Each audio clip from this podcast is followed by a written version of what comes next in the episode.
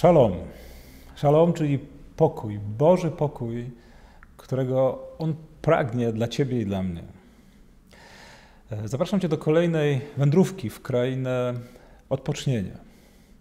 E, do tej krainy prowadzi nas Jego Słowo, czyli doświadczenia tych ludzi, którzy pozwolili się Bogu poprowadzić, którzy pozwolili Mu nazwać pewne ważne doświadczenia, e, z których możemy i my dziś skorzystać, aby wyjść z tego bezsensownego kieratu zmęczenia, duchowego zmęczenia i odnaleźć Jego odpoczynek. Trudno mi policzyć, ilu to już ludzi spotkałem, którzy powiedzieli o takim no, niesamowicie przejmującym dla nich doświadczeniu, gdy po latach wreszcie przyznali się do jakiegoś kłamstwa, do ukrywanych półprawd, do jakiegoś fałszu, którym mydlili oczy otoczeniu przez wiele lat. Spotkałem mnóstwo osób, które mówiły, kiedy wreszcie, chociaż jednej osobie, powiedziałam wreszcie, jak się sprawy mają.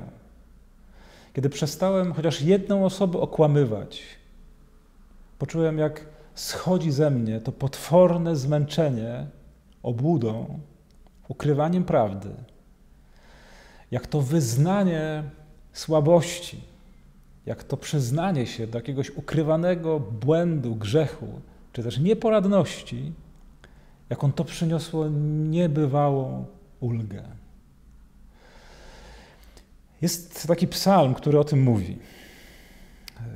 Takich miejsc jest mnóstwo w Piśmie Świętym, ale posłuchajcie właśnie radości i ulgi człowieka, który z zachwytem tak to opowiada. Szczęśliwy, komu odpuszczono nieprawość, komu grzechy zostały zmazane.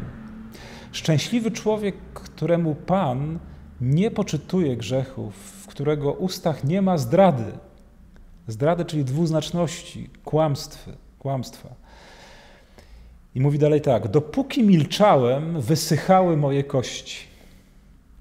Dopóki milczałem, dopóki udawałem przed samym sobą, i przed innymi, e, jak się sprawy naprawdę mają, wysychały moje kości. To jest ten rodzaj potwornego zmęczenia.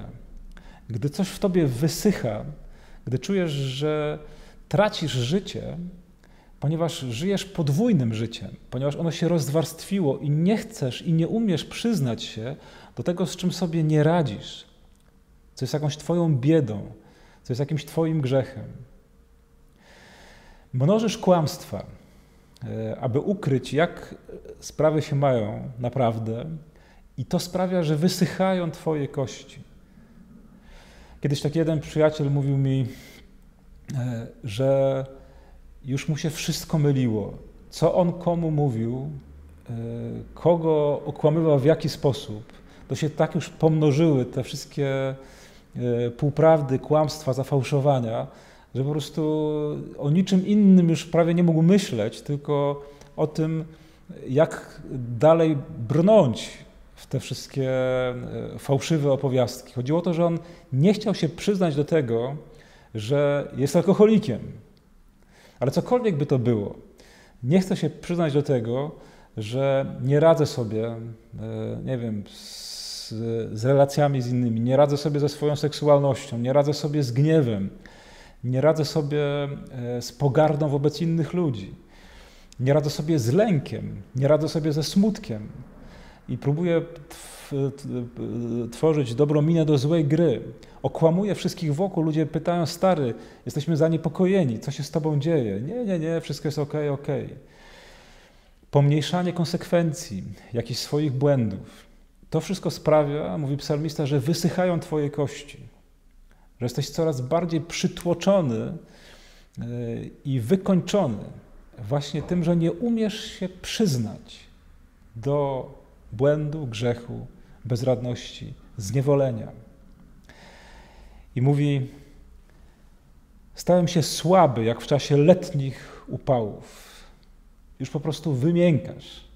To wszystko cię po prostu przerasta. I Bogu dzięki, bo wreszcie jest ten moment, o którym mówi psalmista: Wyznałem swój grzech i nie skryłem mojej winy.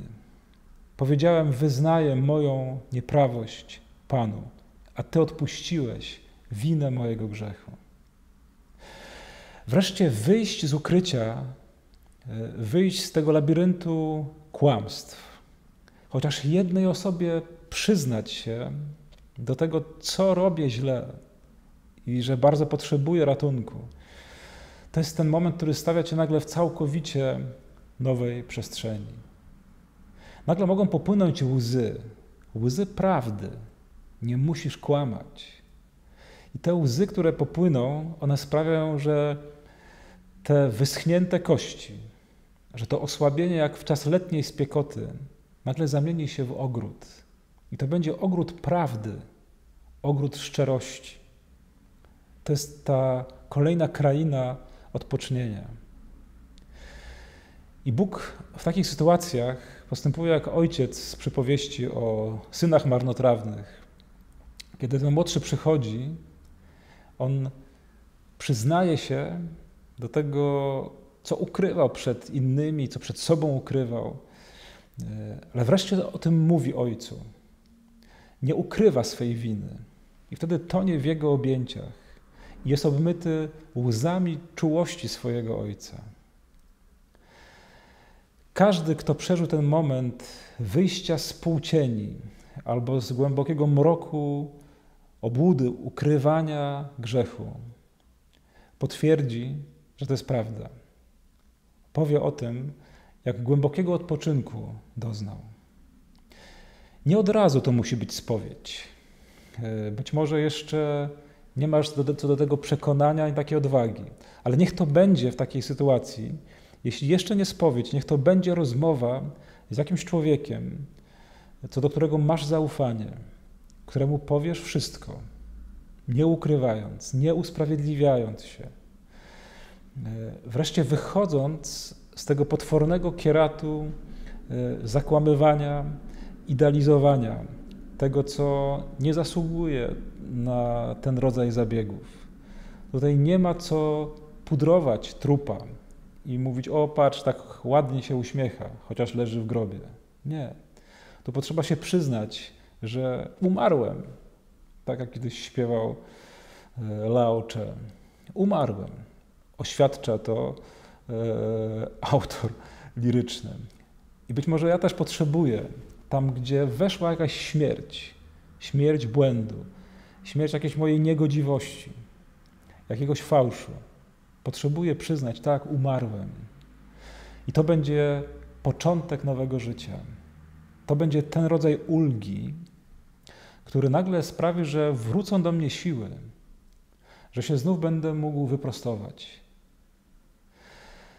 To jest cudowne, że Bóg przywraca nam siły, gdy my przyznajemy się do bolesnej i trudnej prawdy. Że to jest początek odrodzenia. Że możemy nabrać siły w tym właśnie szpitalu, w tej sali operacyjnej, gdy ten cierń e, zafałszowania, ukrywania prawdy zostanie wyjęty, wówczas nasz organizm duchowy wraca do sił i będziemy mogli rozpocząć nowe życie, umocnieni.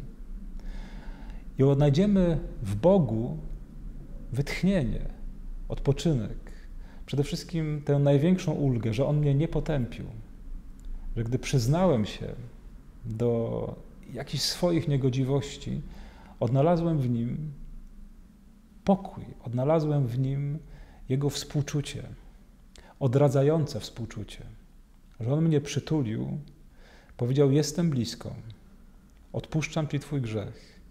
Idziemy dalej.